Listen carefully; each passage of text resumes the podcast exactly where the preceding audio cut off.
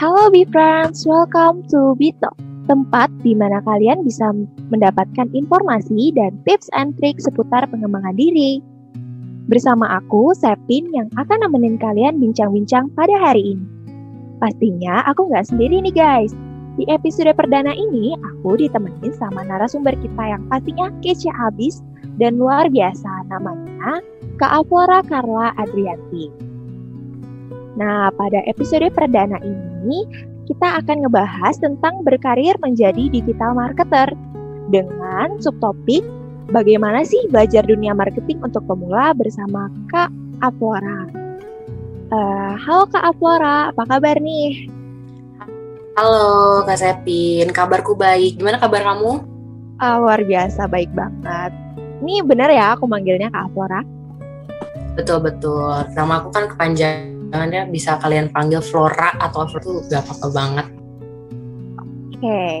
nah Be Friends, jadi Kak Flora ini adalah salah satu mahasiswa aktif komunikasi di Institut Pertanian Bogor. Nah, Kak Flora ini punya segudang prestasi dan juga pengalaman khususnya digital marketing. Salah satunya, beliau merupakan uh, leader dari digital marketing di lockerby.id dan juga merupakan ambasador Squadron IM3 Oredo. Keren abis kan? Jadi di sini Kak Aflora akan nemenin kita bincang-bincang seputar digital marketing. Betul ya Kak? Betul banget, tapi aku nanti uh, ya sedikit banyak lah nanti memberikan ilmu-ilmu mengenai digital marketing buat befriend semuanya. Okay. makasih loh kak udah mau ditemani di sini. Uh, mungkin be friends daripada dengerin aku yang ngomong terus, mungkin kita udah nggak sabar dengerin kak Flora uh, sharing ya. Jadi mungkin langsung aja tanpa basa-basi, aku langsung pengen banget nih nanya ke kak Flora. Menurut kakak, profesi digital marketing tuh apa sih? Boleh nggak sih kakak jelasin? Oke, boleh dong. Uh, yang aku tahu nih ya, digital marketing itu kayak apa ya? Aktivitas promosi gitu, baik untuk sebuah brand ataupun produk yang menggunakan uh, media elektronik atau digital. Namanya juga kan digital marketing gitu. Kalau di Indonesia kan pun kayak uh, promosi secara digital gitu kan. Jadi ya pasti mengandalkan online tuh ya macam-macam bisa sosmed, bisa website juga dan lain-lain. Oke, bener banget ya. Namanya aja digital, pasti kita serba digital. Apalagi kita emang kayaknya udah nggak bisa dipisahkan ya dari dunia dunia maya, dunia dunia digital gini. Betul banget, apalagi ya zaman semakin canggih ya, ditambah uh, tahun-tahun berikutnya juga pasti banget banget itu udah lebih canggih lagi dari sekarang. Benar-benar banget. Nah, menurut kakak, kalau aku nih atau di friends pengen jadi digital marketer itu kita harus punya skill dasar gitu nggak sih kak? Atau skill khusus? Uh, itu pasti sih karena kan dunia digital marketing juga sebenarnya banyak yang harus dipelajari gitu kan. Tapi uh, menurutku yang benar-benar harus ada tuh pertama adalah kayak punya kemampuan menulis yang baik. Kayak tadi aku bilang kan ini juga bisa berhubungan dengan website. Otomatis di website itu kan ya pasti kita akan menulis sesuatu yang akan gimana sih cara orang untuk tertarik dengan website kita atau apa yang kita suguhkan tuh tertarik di mata mereka. Jadi itu tuh benar-benar skill dasar banget yang bisa menurut aku harus dipunya gitu. Sama paling uh, kayak bisa apa ya uh, berpikir kreatif gitu. Karena kan ya persaingan semakin ketat dan lain. Jadi pasti harus berbeda dengan satu sama lain agar itu tadi bertujuan ya biar target yang kita mau tuh tercapai sama mereka tertarik dengan apa yang kita suguhkan. Mungkin dua itu ya untuk yang dasar banget bisa kita miliki untuk menjadi seorang digital marketing berarti menulis dan berpikir kreatif untuk mencapai target yang kita ingini gitu ya kak Betul. Nah, kalau misalnya nih, selama ini aku merasa skill menulisku kurang atau aku kurang berpikir kreatif nih. Menurut kakak ada nggak sih tips untuk belajarnya gitu supaya kita tuh bisa semakin pandai menulis dan bisa berpikir semakin kreatif? Hmm, yang pasti harus diolah ya, maksudnya harus kita latih gitu sedari dini gitu. Misalnya uh, Be tuh ada yang masih mahasiswa juga gitu, kayak aku mungkin semester 3 atau semester 2 gitu. Itu tuh bisa banget kalian latih salah satunya dengan apa? Ikut kegiatan-kegiatan, misalnya uh, kepanitiaan atau volunteer ataupun magang gitu kan. Ya kita bisalah uh, daftar ke posisi-posisi yang memang kira-kira bisa melatih kita dalam dunia dunia uh, apa namanya menulis dan juga kreatif. Contohnya misalnya kalau kepanitiaan tuh yang aku rasakan tuh kayak misalnya di divisi acara itu kan kayak kita bikin naskah, terus kita bikin apa namanya kayak mungkin uh, apa namanya naskah-naskah atau semacam kadang juga ngebantu misalnya teman-teman sosial media kayak bikin caption dan lain-lain gitu kan. Itu tuh benar-benar membantu juga untuk kayak gimana sih cara menulis yang baik kayak efisien tapi tetap jelas walaupun mungkin enggak kepanjangan atau enggak bertele-tele sepele gitu kan. Terus juga otomatis kalau di acara itu benar-benar ngebantu untuk uh, berpikir kreatif ya. Kayak gimana cara kita bikin acara tuh berbeda dari sebelum-sebelumnya gitu kan. Terus menyangkut dengan tema tapi dengan cara yang unik itu gimana? Atau misalnya kayak uh, susunan acaranya biar nggak memboringkan uh, audiens tuh kayak gimana sih? Ada disisipkan acara-acara khusus kah games kah atau kuis dan lain-lain. Dan juga ya masih banyak sih sebenarnya kegiatan-kegiatan yang bisa kita latih. Kayak misalnya kalau bisa bisa kalian buat kayak apa ya platform kecil gitu sebenarnya kayak misalnya iseng-iseng ah bikin akun Instagram khusus misalnya untuk uh, aku suka nulis misalnya aku pengen menyalurkan itu dan melatihnya itu. Ya kita bisa buat tuh konten-konten kreatif di situ yang mau kita bahas. Misalnya mingguan tuh minggu ini kita mau pengen angkat konten apa. Terus otomatis misalnya menggunakan kata-kata yang kayak gimana nih yang bisa menarik orang untuk kayak uh, langsung pertama kali lihat langsung pengen baca gitu. Jadi menurutku dengan kegiatan-kegiatan seperti itu sebenarnya bisa melatih kita untuk uh, bisa menumbuhkan skill untuk menulis yang baik dan juga berpikir kreatif. Wah, berarti kita emang secara personal pun emang harus niat gitu ya untuk selalu latihan, uh, untuk ikut aktif kegiatan-kegiatan yang berhubungan dengan digital marketing. Nah, kakak ada nggak sih hmm, kayak referensi YouTube atau referensi tempat magang atau referensi-referensi sejenis untuk kita belajar digital marketing? Uh, yang pasti sih udah pasti di ini ya di Lockerbie dan juga Jasabi maksudnya yang baru yang aku merasakan uh, adanya kayak ilmu-ilmu digital marketing itu ya di dua ini gitu kan karena pasti banget berhubungan langsung dengan dunia digital marketing. Kayak uh, yang tadi aku bilang, kita tuh dilatih untuk uh, nulis yang baik itu kayak gimana terus kita berpikir kreatif yuk kita buat kayak konten atau sesuatu yang bisa menarik perhatian orang tuh kayak gimana. Terus juga kita kayak semacam membranding perusahaan itu tuh kayak gimana sih biar semakin banyak.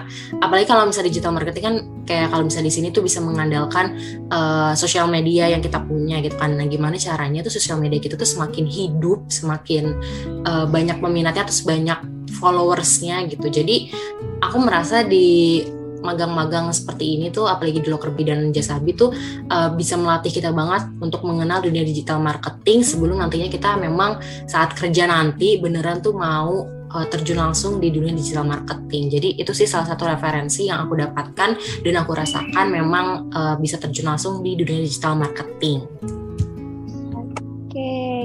Nah, jadi buat teman-teman nih kan udah dengerin sedikit testimoni tentang Lockerbie dan Jasabi dari Kak Flora. Jadi teman-teman juga harus selalu pantengin nih kapan lagi mungkin ada open recruitment atau info-info menarik dari Jasabi dan Lockerbie.id.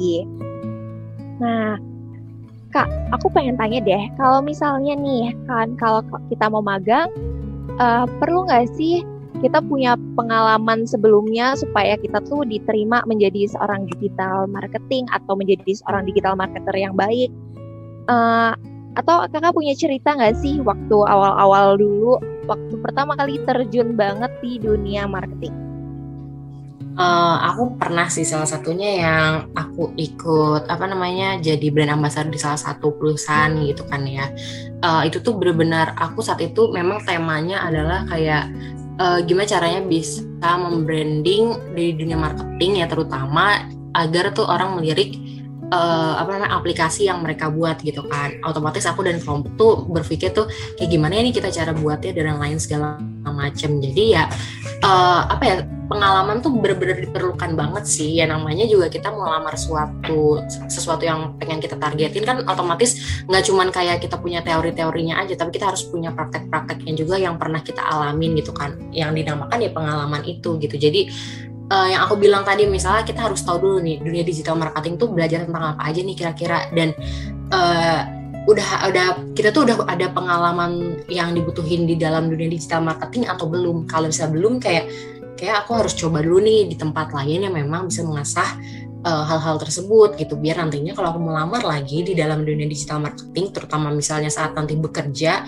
itu tuh udah punya apa ya kayak kita udah punya hmm, basic skill gitu punya ya? punya pengalaman banyak mm basic skill itu yang kita punya biar nantinya tuh kinerja kita saat uh, keterima pun nggak mengecewakan gitu. Jadi kayak semakin bisa mengupgrade lagi lebih baik lagi gitu sih. Jadi pengalaman tuh benar-benar harus banget uh, diperluin gitu.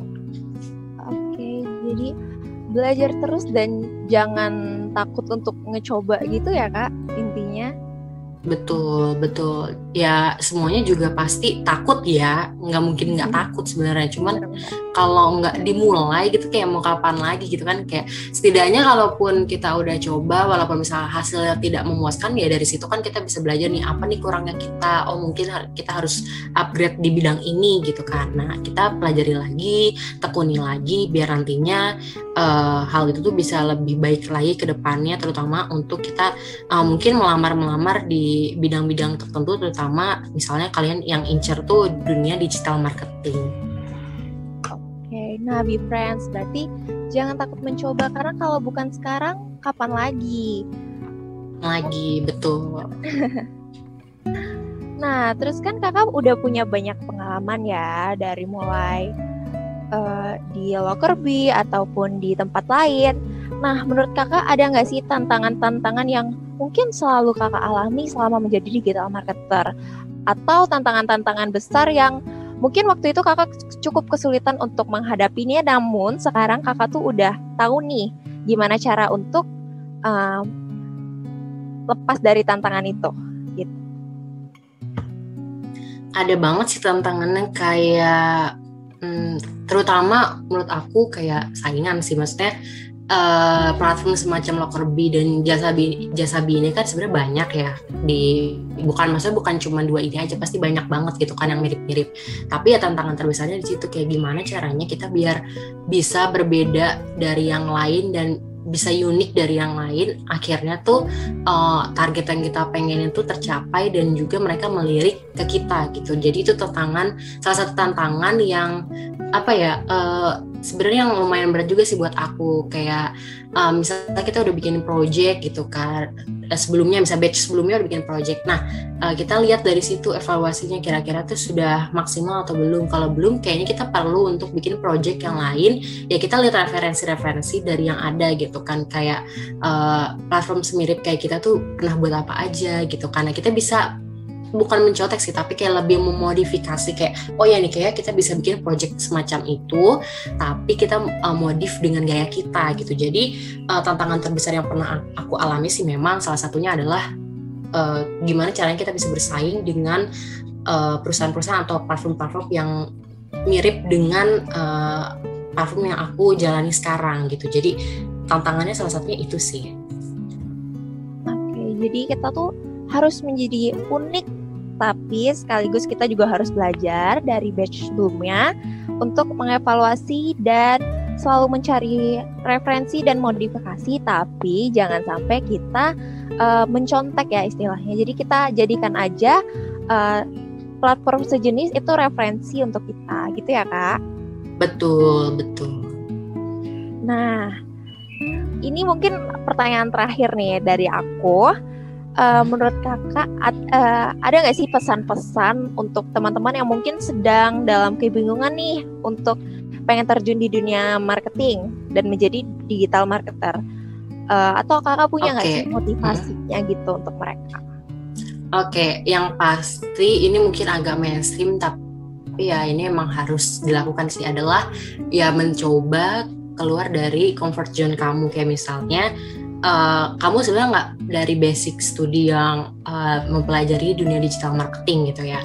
Kayak aku pun dari komunikasi gitu. Walaupun ya ada sebenarnya beberapa matkul yang mirip-mirip mempelajari dunia digital marketing tapi kan nggak sepenuhnya berfokus di situ kan. Jadi aku pun uh, saat awal terjun untuk melamar dia digital marketing di Lockerbie itu juga kayak sebenarnya aku belum punya pengalaman yang banyak gitu kan tapi aku pengen coba gitu kira-kira bisa nggak sih? Terus kayak pengen tahu nih uh, dunia digital marketing itu mempelajari apa aja. Tapi ya memang sebelumnya aku bilang kan kita harus ada setidaknya ya satu gitu mungkin pengalaman yang mirip-mirip gitu kan di dunia digital marketing agar juga ya HRD juga bisa melirik kita gitu kan. Terus juga uh, buat teman-teman yang mau terjun dalam dunia digital marketing ya kalian bisa cari tahu di jurnal atau di buku atau di internet atau di YouTube gitu kan. Kayak mengenai dunia digital marketing tuh mempelajari apa aja sih gitu kan. Setidaknya kita udah paham dulu oh di sini tuh ada gini gini gini ketika nanti kita uh, terjun pun kita nggak terlalu kaget karena kita udah tahu nih eh, hal-hal uh, ini loh yang dilakukan dalam dunia digital marketing. Jadi intinya adalah jangan berani eh jangan tidak berani untuk keluar dari zona nyaman apalagi mau belajar sesuatu hal yang baru. Wah, itu deh. Aku aja cukup termotivasi nih dengar Kak Awar yang ngomong kayak gitu. Oke, okay, sebelumnya makasih banget loh Kak udah mau sharing-sharing uh, di Bitox ini dan pastinya uh, semua informasi dan sharing dari Kak Flora ini pasti banget bermanfaat untuk be friends semua. Thank you banget ya Kak. Dari aku. Thank you juga. Semoga uh, pengalaman-pengalaman dan ilmu-ilmu yang aku dapetin ini bisa berbagi ke kalian dan bisa bermanfaat untuk uh, eh, befriend semuanya ya. Amin amin pastinya juga. Nah jadi kesimpulannya adalah uh, ketika kita memang mau untuk terjun dalam profesi digital marketing dan menjadi digital marketer, kita itu harus uh, belajar dan terus mencoba mulai dari menulis dan berpikir kreatif. Di mana sih kita bisa belajar? Bisa lewat YouTube, sosial media pribadi, mengikuti internship, ataupun mengikuti pelatihan-pelatihan yang memang membangun skill di digital marketing. Jangan takut untuk mencoba dan coba terus. Dan jangan lupa untuk selalu mengevaluasi dan juga mencari referensi dan memodifikasi referensi-referensi yang kita dapat gitu be friends. Nah, obrolan kita ini udah seru banget kan? Terima kasih untuk be friends yang udah dengerin Bitalk dari awal sampai akhir. Buat be friends yang pengen tahu informasi maupun tips and trik lainnya seputar pengembangan diri, gak usah khawatir karena akan ada episode Bitalk berikutnya yang gak akan kalah seru sama hari ini. Pasti penasaran kan episode episode apa lagi sih yang akan dibawain Bitalk? So, biar be friends enggak ketinggalan informasi, follow kami di Instagram dan website, website Jasabi. Keep learning and stay tuned. See you later. Bye.